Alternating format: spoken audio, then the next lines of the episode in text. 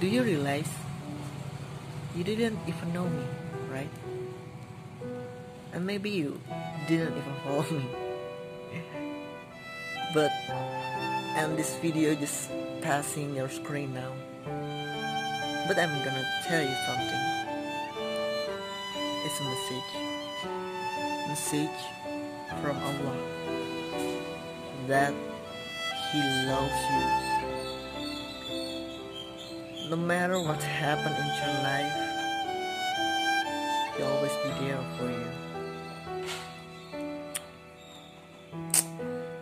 When even someone leaves you, or even if everyone in your life leaves you, it's okay. Because He is always with you.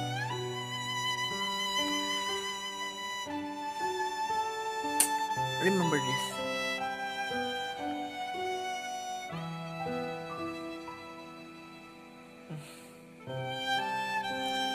No one's perfect. We make mistakes. But don't ever losing hope on him because he is the most merciful.